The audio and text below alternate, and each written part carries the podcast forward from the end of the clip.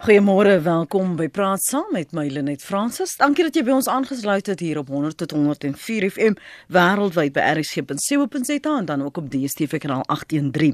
Die ekonom Azar Jamin sê dit is onredelik om te verwag dat die ekonomie met rasse skrede moet groei sedert Cyril Ramaphosa as president aangestel is.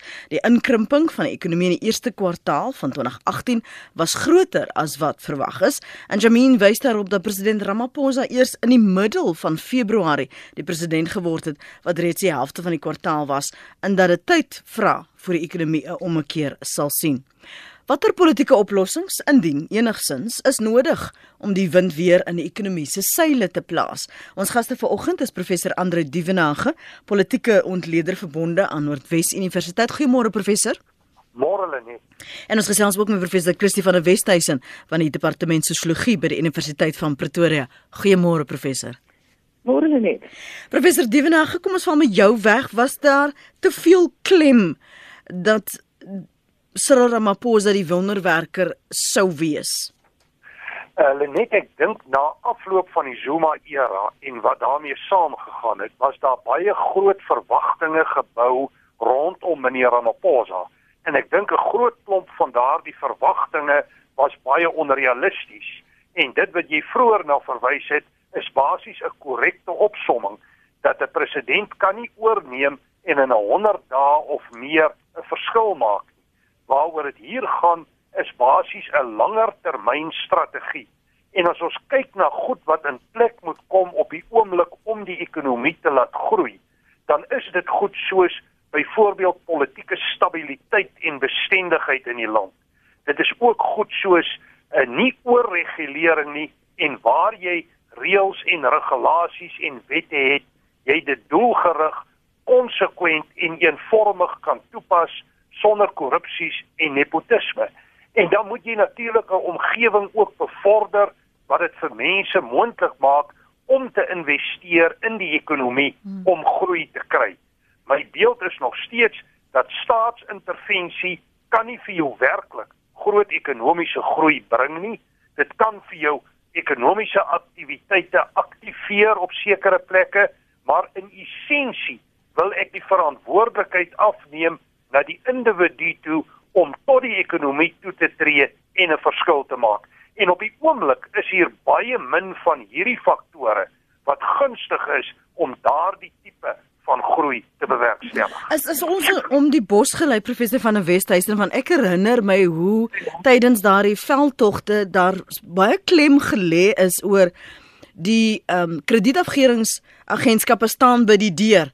As ons nie vir Cyril inkry nie, gaan dit nog vererger en ons wil 'n klimaat juis skep vir beleggings. Is ons om die bos gelei?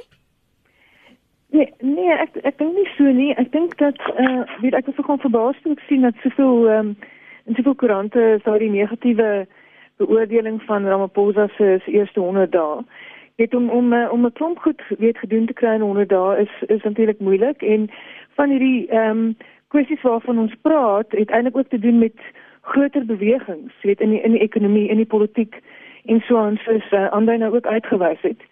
So so ek dink daar was 'n bietjie van 'n ehm um, 'n bietjie van 'n uh, miskien 'n ehm 'n naïwiteit in terme van weet in in watter mate Ramaphosa weet dinge kan kan skuif, weet in watter manier hy kan skuif. En ek moet nou ek moet nou byvoeg dat ek dink ongelukkig baie is gedoen in terme van die werklike praktiese stappe wat gedoen is. Dit is ons kyk na die staatsondernemings uh weet die meeste van die van die direksies is nou omtrent heeltemal skoon gemaak. En dit is natuurlik weer eens eens Provin Gordon ehm um, se ingryping daar. Die ehm um, weet uh, as ons kyk na wel, okay, die Estina ondersoek in, in die Vrystaat gaan nou nie so goed aan op die oomblik nie. Ehm um, maar weet daar daar is stappe gedoen daar. Weet as ons as ons kyk na verskillende aspekte van van die probleem van staatskaping, dan sien ons uh, Ramaphosa en sy mense het iets sterk opgetree en dan van wat hulle dit vir kan doen. Natuurlik ook die goed met met die Suid-Afrikaanse inkomste diens. Ja. Dit belangrike stappe wat daar gedoen is om daai agentskap te red van van staatskaping. So ek dink dat met die die ehm um, ek dink as jy so groot as jy dink aan politieke oplossings vir die ekonomie is uh, weet wat wat Ramaphosa nou eers op sy op sy bord het is net om die die kwessie van korrupsie aan te pak. So nog voor jy kan eintlik begin dink aan die groter kwessie van ekonomiese beleid, ehm um, die politiek in in verhouding tot die ekonomie ensovoorts ensovoorts, weet jy het jy hierdie verskillende probleem van korrupsie wat jy nou eers moet uh en en jy moet moet waarskynlik die, die twee goed saam doen. Jy moet die korrupsie aanpak soveel as wat jy kan en dan moet jy nou kyk na die politieke oplossings. En dis ons nou kan sien in KwaZulu-Natal is is Jacob Zuma en sy trawante besig om te organiseer om om om juist die politieke oplossings te verminder en in in in die wiele te ry. Is dit 'n geval professor Dievenagem as jy praat oor ekonomie en jy praat en kyk na politieke oplossings, dis 'n geval van water en olie. Die twee moet nie meng nie want jy voorspel net of ontploffings of iemand gaan verdrink. Wel, uh, Lenet, ek dink die uitdaging is om hierdie twee wêrelde in samehang en in balans met mekaar te bestuur. En ek dink op die oomblik is hierdie twee omgewings baie ver uit mekaar. Dis amper 'n polariteit. Aan die een kant sit jy met geweldige ekonomiese verwagtinge. Ons sien hoe die vakbonde mobiliseer, ja. hoe daar aanspraak gemaak word op dienslewering en wat daarmee saamgaan. En aan die ander kant die politieke omgewing se vermoë om dit te lewer en die twee wêrelde is ver verwyder. Die verwagtinge het uh, omtrent geen plafon nie en die staat se vermoë om hierdie sake behoorlik aan te spreek om 'n omgewing te skep waar binne ontwikkeling en groei kan plaasvind bestaan op die oomblik nie. Ek wil net daarop wys dat baie mense bepleit groei en ekonomiese groei. Nou dit is baie belangrik maar dit is ook bewys dat ekonomiese groei kan 'n belangrike bron wees van onstabiliteit. Die moment as jy groei het, dan skep jy verwagtinge hm. en iewers word die verwagtinge nie vervul nie en dit genereer onstabiliteit. Daarom is ontwikkeling eintlik 'n beter patroon en dit bevestig die balans tussen politieke, ekonomiese en sosiale omstandighede as 'n tipe geïntegreerde geheel dis waar ons wil wees en dit is die uitdaging maar op die oomblik staan hierdie goed baie los van mekaar telkens in konflik. En die verwagting is of die hoop ten minste dat meneer Cyril Ramaphosa hierdie goed nader aan mekaar kan kry in 'n werkbare oplossing. En ek moet sê wat dit betref is daar baie meer hoop van Ramaphosa perspektief as wat die geval was met Jacob Zuma. Maar Christie is heeltemal reg op die oomblik determineer politieke faktore veral uit KwaZulu-Natal, die Vrystaat en Noordwes hierdie tipe prosesse en ek verwag 'n baie ontwrigtende, baie onstabiele politieke omgewing in die volgende jaar tot na die verkiesing en ek moet eerlik sê dit is nie 'n omgewing hmm. wat bevorderlik is vir groei en ontwikkeling. Is is dit dan redelik Christie om 'n persoon te blameer of 'n of 'n regerende politieke party. Wie moet pa staan vir die probleme wat ons het veral met ons ekonomie of staan die oppositiepartye net handjies gevou en sê maar ons het dit nie geskep nie? Ja, ek ek dink ons ons Suid-Afrikaners moet almal ehm um, inspring hier. So ons kan nie skiet toe. skiet toe. Dit ons kan nie weet vingers wys hier so nie. Jy weet die ehm um, In die sin van dat weet ek ek glo vas dat daar 'n verhouding tussen die feit dat die ekonomiese beleid wat ons aanvaar het in die in die 1990s nie genoeg herverdeling geskep het nie. En om daardie rede het ons basies op 'n in 'n situasie beland van waar mense mens kan amper sê 'n soort informele herverdeling begin bedryf het deur middel van die staat. Dit is eintlik maar wat staatskaping die staatskapingsprojek eintlik is. Kyk, staatskaping is 'n spel van staatskaping. Dink ons dadelik aan Jacob Zuma en die Gupta's en so aan. Maar as jy so dink aan die aan die navorsing wat gedoen is deur mense soos Mark Swilling by Stellenbosch en Arthur Chipkin en daai mense, dit dit, dit is deel eintlik van 'n groter prentjie van van ehm um, volskaalse en uitgebreide korrupsie wat allerlei mense en netwerke eh uh, dit uh, betrek wat nie noodwendig gekonnekteer is aan die Gupta's en en Zuma nie. Ehm um, en wat vir jou Nou, aan die een kant kan mense sê, ehm, um, "Oh, jy weet, dit is maar hoe wat aangaan in Afrika lande soos wat sommige mense sê." Ek dink dit is belangrik om te kyk na wat is die omstandighede wat wat eintlik die die die moontlikheid geskep het vir hierdie grootskaalse korrupsie en korrupsienetwerke om op te kom. En dit is in 'n groot mate dink ek die mislukking van ons ehm um, ekonomiese beleid om regtig behoorlike herverdeling te bewerkstellig. So en daar sien met ons eintlik as alle Suid-Afrikaners moet ons behoorlik dink aan ehm um, werk hierdie ekonomiese beleid in terme van die werklike die realiteit van wat in ons land aangaan. Ja. Hierdie soort werkloosheid wat wat nog steeds voortduur. Uiteraard die die staatskaping het het het ehm um, vir my die staatskaping in die politiek geword. Dit is 'n praat van politieke oplossings vir ekonomiese probleme. Alles energie gaan nou daar in hierdie soort politiek wat wat wat bedryf word in die staatskaping waar waar die belangrikste kwessies in die ANC gaan nou nie eers meer oor beleidspunte nie, maar dit gaan oor uh weet nie met die Zuma kamp ehm um, kan kan kan uh, maak en breek as hulle lekker kry of moet moet mense aan bande lê, weet so so jy kan sien hoe die hele die korrupsie heeltemal die politiek oorgeneem het eintlik. Ehm um, weet jy ons het ons het um, ons eintlik ongelooflike fiasco waarmee ons te doen het hierso en uh, en en en om onsself dit te te te, te ontstrengel ja, dit gaan gaan baie moeilik wees. Mm. Maar een van die eerste goed wat ons moet doen is om te kyk na wat is die omstandighede wat hierdie wat staatskaping moontlik gemaak het wat wat hierdie uitgebreide korrupsienetwerk in die eerste plek moontlik gemaak het. Ja. En hoe kan ons daai goed ook aanpak? Soos wat ons die korrupsie aanpak. Die korrupsie aanpakkery moet moet gebeur, maar terselfdertyd moet moet ons kyk na die groter prentjie wat in eerste plek die korrupsie moontlik gemaak het. Kosie skryf hier op ons sosiale media, een swaalkie maak nie die somer nie, veral nie as die voorafgaande 8 tot 9 jaar se weerpatroon heeltemal verander en onbetroubaar was nie. Ons praat ver oggend op ons ek, oor ons ekonomie en of dit vra vir politieke oplossings of is dit 'n geval van olie en water wat die twee moet net nooit ontmoet nie. Dis uh, 19 minute oor 8 jy praat met professor Andre Duvenage, politieke ontleder verbonde aan Noordwes Universiteit en professor Christie van der Westhuizen van die departement sosiologie by die Universiteit van Pretoria. Praat gerus saam op 0891104553.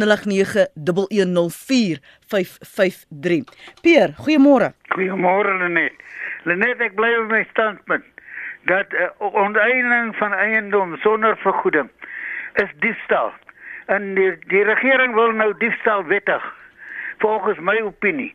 En die ander sy van die saak is watter uitlander sal sy geld belê in Suid-Afrika as hy weet dat sy sy grond gaan onteien word of sy eiendom of sy besigheid gaan onteien word. En die ander sy van die saak is dat uitlanders nie mag grond besit in Suid-Afrika sonder om hulle moet dit hier koop vir 99 jaar. Watter man van die buiteland gaan sy geld belê in 'n land wat hy nie kan grond besit nie? Om uh, uh, hy moet tog grond besit om te bly, 'n huis om in te bly. Die, hy moet uh, eiendom besit om 'n besigheid te begin.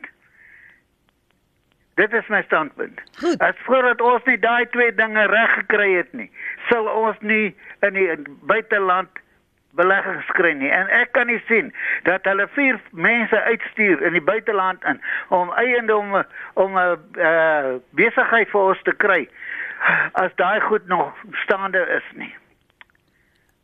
Is jy nou klaar, Peer? Daar's hy. Uh Connie, jou mening? Môre net en die gaste. Ja, uh hulle is seker baie bekend met die term rampforie. Nou wonder ek waar staan ons vandag met rampforie as ons praat van president Ramaphosa?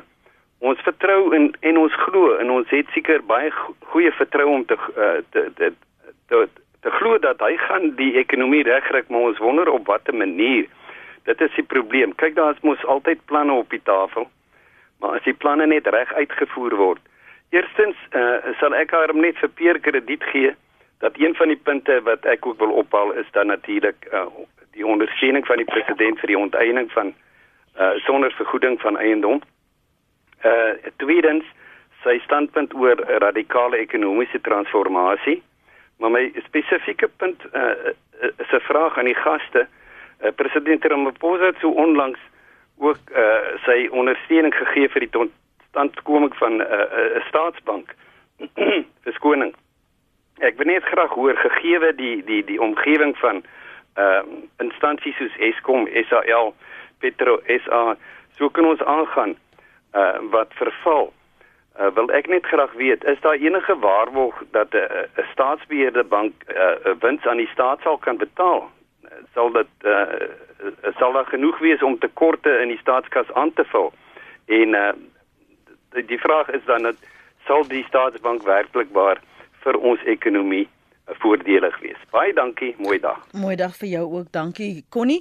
Kom ek sê weer eens wie ons gaste is.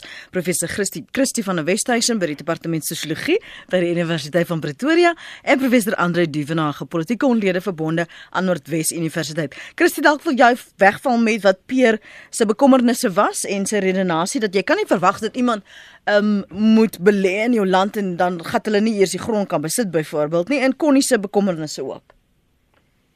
Ja, kyk, ons moet uh, balanseer wat wat ons werklike weet uh, situasies binne die land met met wat internasionale beleggers mag mag hê, mag wil weet die, die omstandighede wat hulle graag sou wou hê. Jy weet ons ons kan nie onsself 100% net inrig volgens wat internasionale beleggers wil hê en ignoreer wat die werklikheid binne ons land is nie. So ons sit met 'n situasie van uh, grondloosheid, ons sit met 'n situasie van weet uh, historiese ehm um, uh, afname van grond. Uh weet en um, nou swart mense se grond is in eerste plek swart en bruin mense se grond is in eerste plek afgeneem sonder behoorlike besoldiging. Weet oor oor die oor die dekades uh, weet in die eeue van tevore. Jy weet so so eintlik is Suid-Afrika se geskiedenis geskiedenis van grondonteiening sonder sonder uh, kompensasie. Weet so ehm um, en dit is die, die historiese konteks waarmee ons hier so sit. Ons kan nie langer enigstens verkostig om hierdie probleem te te probeer sy stop nie en ek dink dit is ehm um, Cyril Ramaphosa se se groot boodskap ook na die naweek gelees toe hy die Afrikaner Bond gepraat het. Weet dit was basies die die boodskap is kyk ons moet kyk na hierdie grondsituasie. Ons kan nie ons kan nie 'n blinde oog meer draai nie. Hierdie dit is dit is 'n tydbom en dit kan genoeg nie verder uh, geïgnoreer word nie. Jy weet so die kwessie is eerder hoe gaan 'n mens proaktief deel raak van die oplossing van van hierdie probleem van grondloosheid weet waar swart mense nie grond het nie omdat hulle grond teen hulle sin afgeneem is sonder vergoeding. En dit en bruin mense ook jy weet. Wat wat gaan ons doen aan daai probleem? Weet so om net te sê dit kan nie dit kan nie werk nie en buitelandse beleggers wil dit nie hê nie ensovoorts ensovoorts. Ek dink buitelandse beleggers sit en kyk hoe gaan ons as Suid-Afrikaners die situasie hanteer? Weet Ramaphosa was ook baie spesifiek dat hy hy praat nie net van uh, grond hy praat nie van grondoneenings soos wat die EFF daar praat nie En dit en dit is nogal opvallend vir my dat wanneer ek kritiek hoor oor hierdie hierdie hele kwessie dat, nie, dat die mense neem nie of daar's nie onderskeid wat getref word nie. Jy daar's 'n duidelike ehm um, 'n verskillende manier waarop Ramaphosa praat oor die grondoneening ja. en hy praat van spesifieke kriteria wat wat vervolg moet word dit voor grondoneening kan plaasvind. En en en een van die groot goed wat hy vooropstel is dat daai grond moet produktief gebruik kan word. Weet so ek dink ons bestaande boere jy weet, ehm um, moet dit is 'n uitdaging wat aan hulle gestel word. En ek weet hulle is onder groot druk en mense is nie lus om nou nog uh met ander dinge te te toring en so aan nie, maar die feit van die saak is hierdie is 'n onvermydelike situasie wat aangepak moet word. So die vraag is eerder kan 'n mens proaktief vorentoe tree en sê kom ons kyk hier's hier's moet kom ons kyk na oplossings saam. Kom ons werk saam om te kyk hoe ons hierdie situasie kan kan aanpak en en oplos op 'n manier wat goed is vir alle Suid-Afrikaners. Professor Dieven het probeer die president te veel gemoedere sus, te veel kampe gelukkig hou en iewers val die pap dan op die grond.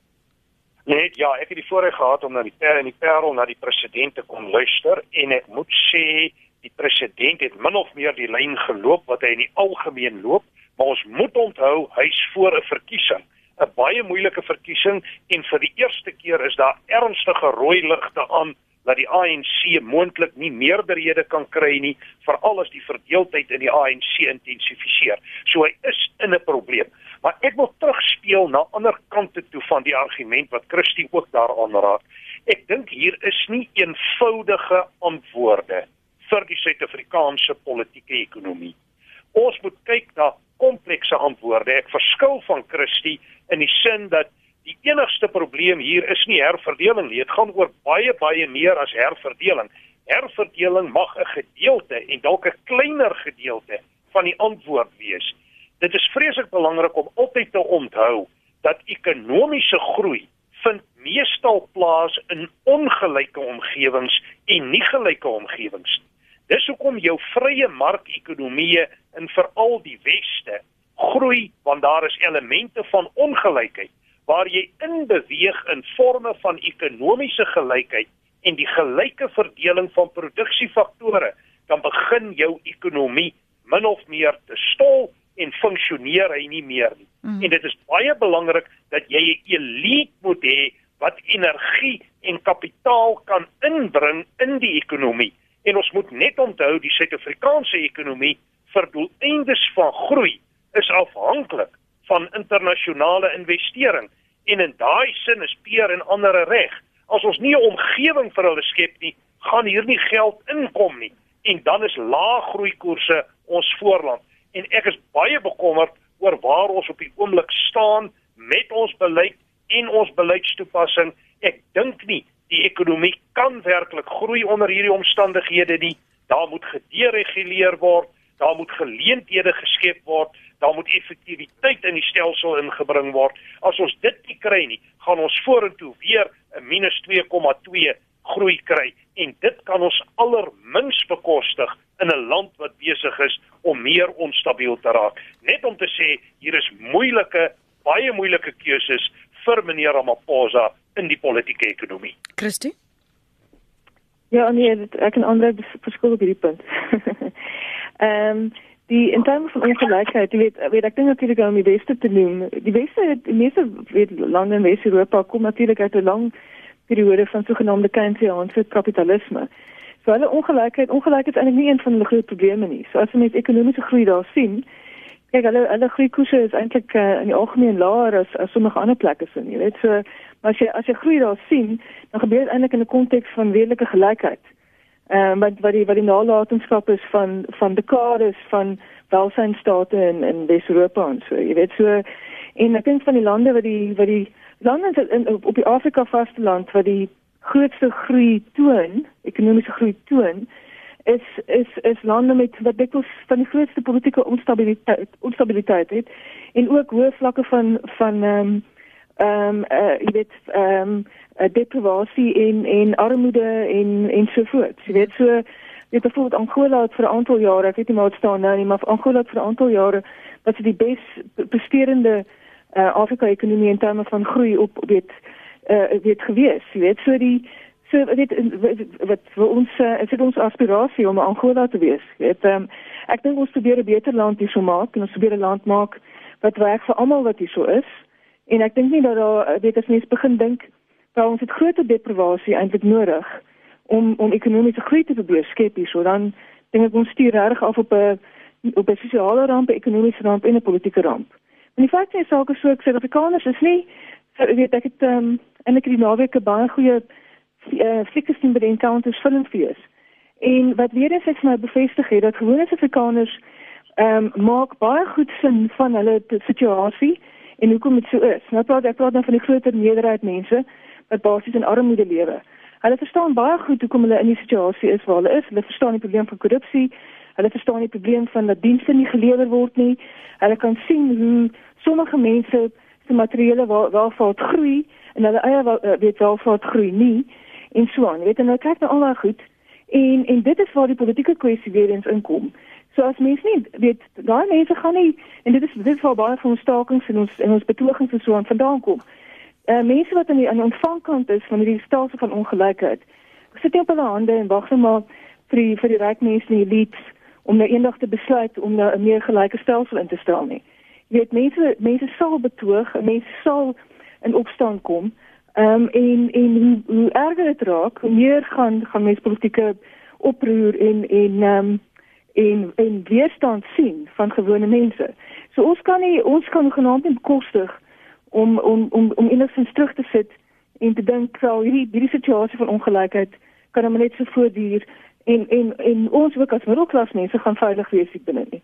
Hmm. Dit is nie goed dit is nie goed vir ehm um, vir vir ons vir ons land en dit is goed vir ons mense nie.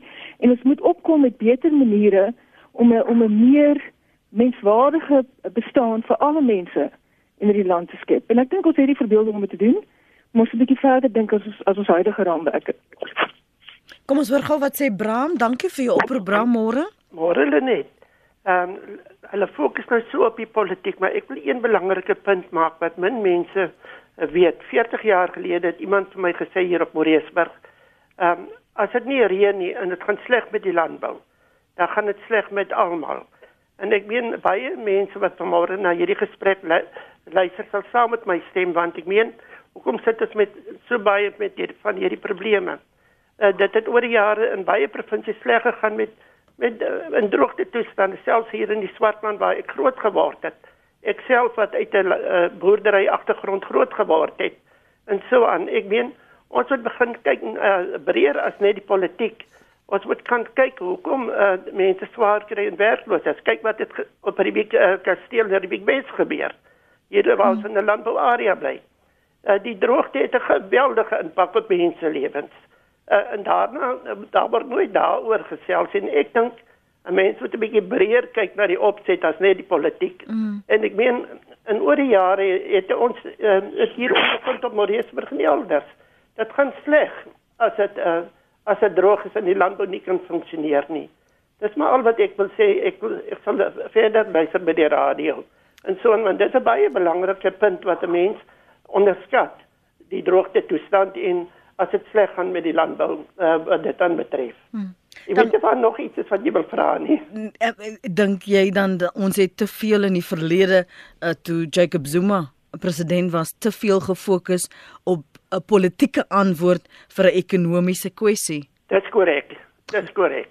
Dis kom ek nou gedink het maar wag, die Here lei my nou in om graag net vir vir julle gaste net daarop net korrek te wees. 'n Mens moet nie net op die politiek fokus nie mense op 'n breë band fokus. Dat ek self soos ek sê, ek sê baie keer op Moreesburg en elders so tongenetjies.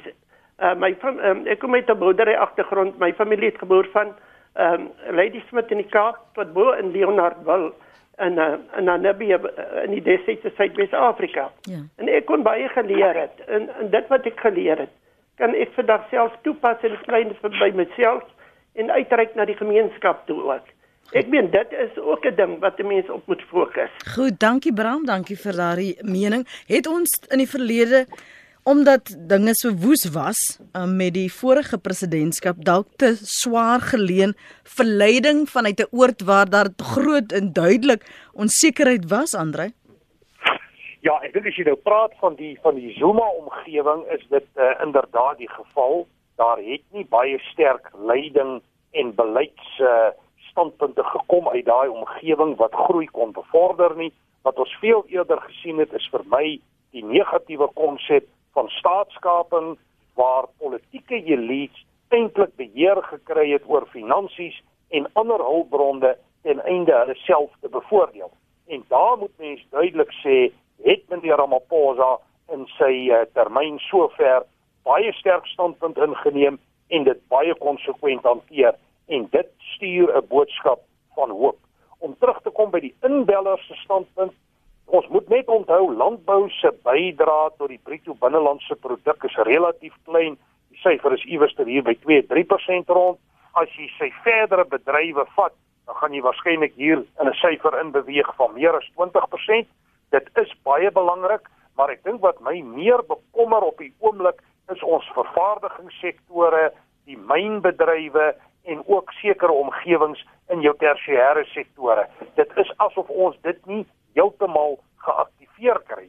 En dan moet ons nou weer terugkyk na 'n probleem soos byvoorbeeld die hele kwessie van minimumlone. Hoe goed is minimumlone? Hmm. Beteken dit nie dat meer mense werk gaan verloor en dat die werkloosheidssyfer drasties gaan toeneem? My kyk en daar verskil ek met Christie is dat ekonomie kyk eintlik na jou prestasie. Jy moet in die stelsel ingaan met die doel om te presteer. En as jy presteer en jy lewer bydraes, dan gaan jy dikwels by ander verby en dan skep jy 'n ongelykheid. Die politieke omgewing moet probeer om met meganismes daardie ongelykheid te probeer regstel. Nou, my kyk is dat hierdie twee wêrelde moet juis op daai vlak versoen word. En net wat Angola betref, as jy na hom kyk, die ekonomiese elite is baie sterk en die elite massagaping is baie groot. Dit verklaar die ekonomiese groei en natuurlik die olie-industrie daar wat 'n bedryf op sy eie is wat Wes-Europa aanbetref, is dit eintlik meer 'n ontwikkelingsmodel wat ons daar sien die geïntegreerde verandering van politieke, ekonomiese en samelewingsinstellings in 'n geïntegreerde geheel. So ek sien dit nie as 'n sterk groei konteks nie, maar as 'n sterk ontwikkelingskonteks wat eintlik die beter en die meer stabiele een is. Kom ons skep gou asem. Dis 19 minute voor 9. As ons terugkom, praat ons met die luisteraars op 0891104553. Ek kyk ook wat julle skryf op ons sosiale media by ons SMS lyn dis 45770. Elke SMS kos jou R1.50 of gaan maak 'n draai op ons webblad. Dis www.rsg.co.za. Ja, hier's 'n paar van julle wat ek wil vra bly maar by die punt. Was makliker as ons kan verwys na wat die luisteraars en die gaste sê en nie die pad byste raak nie. Uh, M sê mense is na ander grond verskuif. Die grond is nie onteien nie. Uh, skryf Ems, die grootste remskoen van die sukses van die SP se planne is die spul Zuma ondersteuners in KwaZulu-Natal versus Noordwes wat korrupsie voorstaan. As die spul nie verwyder word nie, gaan chaos en goeie regering onmoontlik wees, uh, sê Mike. Uh, grond uh, hierdie uh, waar waar is hierdie? Wat ek moet gou af afbly. Ehm uh, waar is dit? Dat ons kan nie dink ons nie dat hier te veel van Zimbabwe en ander lande die oorsaak is van werkloosheid. Hoekom gaan ons mense gehuur word as hulle goedkoop arbeid kan kry? Daar is maatskaplike toela ook groot sonnebok want hoekom werk as hy alles kry soos gratis dienslewering? Dis Gawie se mening daarin. Kom ons hoor wat sê Jan. Dankie vir jou geduld Jan. Ek sien jy op lyn 2 ons luister. Môre net en jou gaste. Môre. Lenet ek uh, stem saam met jou gaste dat ek dink die grootste deel van die oplossing van die ekonomiese probleme lê wel in die politieke sfeer en uh wat die ekonomie aanbetref en die ja. tipe van ding wat hulle bepaal die beleid en die die milieu waarin ons land is. En ek is nou nie 'n kundige om daarop uit te wy nie. Maar wat ek wel dalk net van 'n van 'n ander hoek af wil sê is en ek ek praat nou namens 'n normale burger is ek ek dink ons moet verstaan ook dat uh politieke partye en die politici soos Engelsman sê hulle back net vir hulle self want dit gaan vir hulle oor hulle posisies en hulle geld en hulle mag en ek dink number 1 P wat ons nou gehad het ons vriend Zuma was 'n baie goeie voorbeeld hy en sy kaders wat nog steeds daar is. Maar ek dink ook ons moet besef dat die politieke party wat in beheer is uh is grootliks as gevolg van dit wat ons as normale burgers voorstem en wat ons aanvaar wat hulle vir ons voer. En uh ek vind maar net as 'n normale burger dat veral die ANC is moreel bankrot en al wat hulle oor het uh om hulle self in mag te hou is die rasseverdeling en dit sien mense elke dag in die nuus jy weet ons word tog so graag opgesweep 'n insident van swart teen wit of wit teen swart word opgeblaas en regtig uit verhouding uit. Maar ek ervaar dit alles anders op grondvlak. Ek ervaar uh soos een van jou gaste ook gesê het mense op grondvlak besef waar lê die werklike probleme? En jy weet ek probeer na die beste van my vermoë optree met respek teenoor die individu teenoor almal in die land. En ek ervaar dieselfde terug dit wat ek uitgee. En weet jy wat ek dink is dit die maniere waarop ons dit moet doen om die politieke wiel te laat draai en mense te laat stem vir partye wat hulle belang op die hart te dra. Dan dink ek dit gaan 'n lang pad gaan om dit reg te kry en nie te glo al die strooi wat ons kele afgedruk word nie want 'n persoon wat ingelig is weet dat alles wat gevoer word deur die media en deur mense van platforms as af is nie noodwendig die die, die waarheid nie. Ons ons haat mekaar nie so verskriklik soos wat soos wat hulle graag wil hê ons moet glo nie. Hmm. en ek wil afsluit met 'n uh, iets wat ek nou eendag by 'n vriend van my gehoor het en hy die man is nie 'n hy is nie 'n wit man nie maar hy het my baie waarding gesê. Hy sê Jan you know what? I'm a racist wat dan not 'n racehater. Dis sê vir my wat bedoel jy? Jy's 'n rassisme, jy's nie 'n rassehater nie. Jy sê vir my, weet jy wat? Ek is trots op my kultuur, ek is trots op wie en wat ek is, maar dit sê nie ek haat ander mense nie. Ek leef met hulle in vrede saam, maar ek is trots op dit op wie en wat ek is en solank die son vir ons almal kan skyn, is daar seker vir ons ons almal 'n plek hier in hierdie land, né? So ek dink net die gewone burger moet homself inlig kyk na wat gaan aan op die grond, tree met respek op teenoor almal mm. en ek glo mense se stemme gaan gaan verander na dit toe wat ons almal tot voordeel sal wees in hierdie land. Want ons wil tog almal ons kinders hier sien groot word in die toekoms sê vir hulle. So dis maar net wat ek met jou wou deel vanmôre. Dankie Jan. Kom ons hoor wat sê ons gaste na daardie ervaring. Kristie, kom spel by jou mee. Ja, eh uh, weet ek ek stem groot mate saam met Jan. Uh, weet ek dink dat ehm um, in die in die alledaagse se van interaksies wat ons het met mekaar, is ons definitief besig om ander soorte bande te smee eintlik. Jy weet as wat sommige politici wil hê ons moet smee. Dit so ek dink ons ons is besig om om om baie van ons is besig om die rassegrense te breek en en en um, en dit maak natuurlik ook dan dat die mense dan kan begin praat oor gesamentlike oplossings. Jy weet die ehm um, die weet ek dink mense die ANC ook sien as 'n as 'n komplekse instelling of 'n komplekse organisasie in die sin van dat definitief weet daar's 'n stroming in die ANC wat ras gebruik op 'n manier om die aandag af te trek van hulle eie tekortkominge uh in hulle in hulle wat hulle voorskaalse mis, mislukkings hmm. in groot opsigte ensovoorts. Jy weet hulle gebruik daai rasse diskurs. Maar dit is 'n stroom in die ANC. Daar's 'n ander stroom in die ANC wat vir my en ek dink Ramaphosa is verteenwoordigend van hierdie ander stroom. As jy nou kyk na hoe hy probeer, weet dit is my fascinerend om te sien hoe hy probeer om die nasionale diskurs terug te skuif na wat dit was in die 90er jare. Dit waar dit 'n diskurs was van van ons is almal saam in hierdie bootjie, nou presies wat Jan ook gesê het. Ons is saam in hierdie bootjie, as die bootjie sink dan dan dan dan verdrink ons almal saam. Jy weet, so kom ons maak 'n plan, kom ons werk saam. Dit sê julle ehm um, oproep weer die Timamina wat eintlik daar gaan, weet, kom ons kom ons gooi almal, kom ons rol almal ons moue op en ons en ons spring in en ons en ons vind oplossings saam. Ehm um, weet jy, dit is 'n heeltemal ander diskurs wat ons gehad van Zuma wat eintlik glad nie belangstel uiteindelik in die nasionale diskurs nie. Hy was so besig om te steel dat hy dat hy nie is ek weet hy daar was geen belangstelling werklik waar in in ons rasseverhoudinge nie in ons in ons geslagsverhoudings of enigiets van daai aard nie.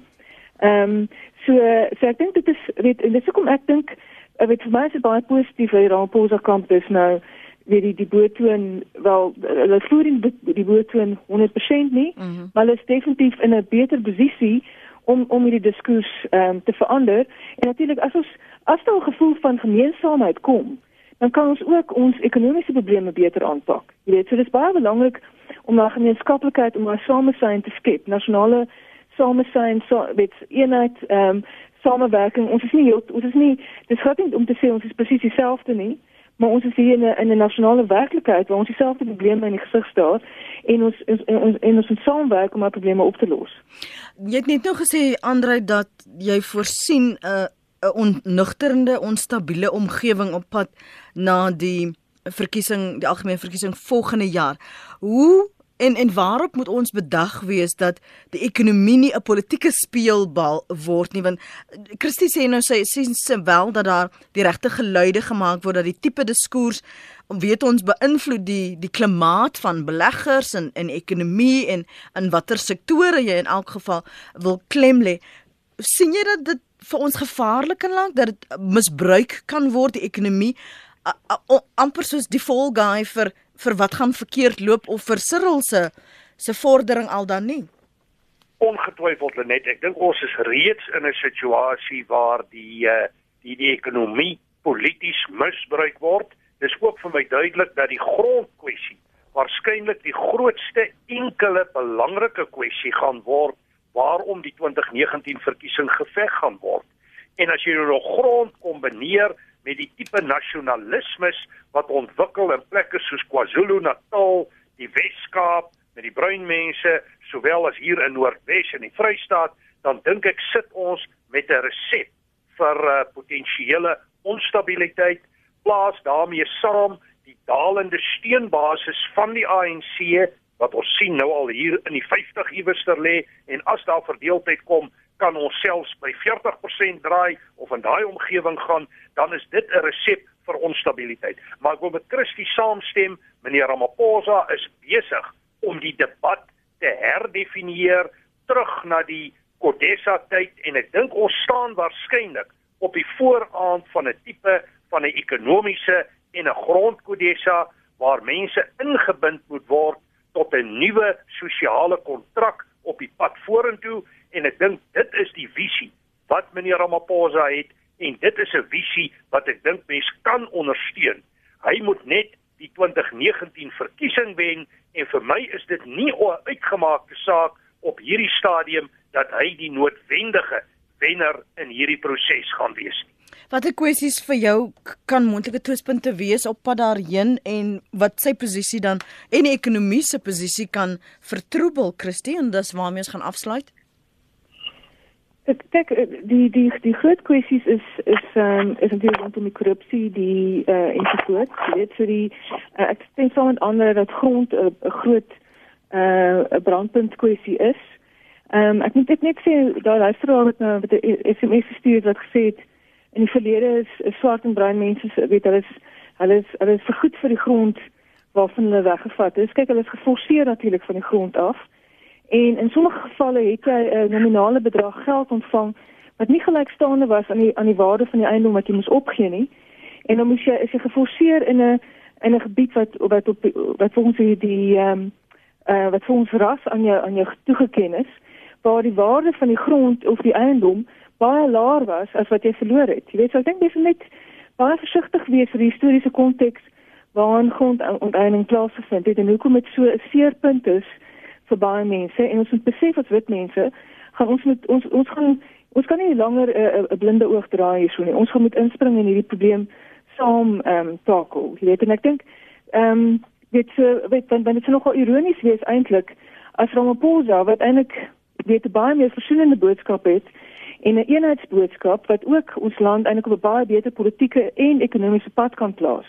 As hy volgende jaar nie 'n volslae meerderheid kry nie en ons dan weet eh uh, basies onderhewig is aan aan moontlik selfs die koalisie regerings wat die EFF insluit en die EFF soos ek al voorheen gesê het is basies 'n nuwe fasistiese organisasie. Jy wil daai party eintlik glad nie in enige regerende ehm um, posisie sê nie. Jy weet so so hierdie hierdie is baie ons is in 'n baie delikate stadium van ons geskiedenis en en ehm um, en ons moet inspring en, en kyk waar ons kan help. Baie dankie vir julle insette vanoggend professor Christie van Westhuizen. Sy is by die departement sosiologie by die Universiteit van Pretoria en professor Andre Duvenage, politieke ontleder verbonde aan Noordwes Universiteit.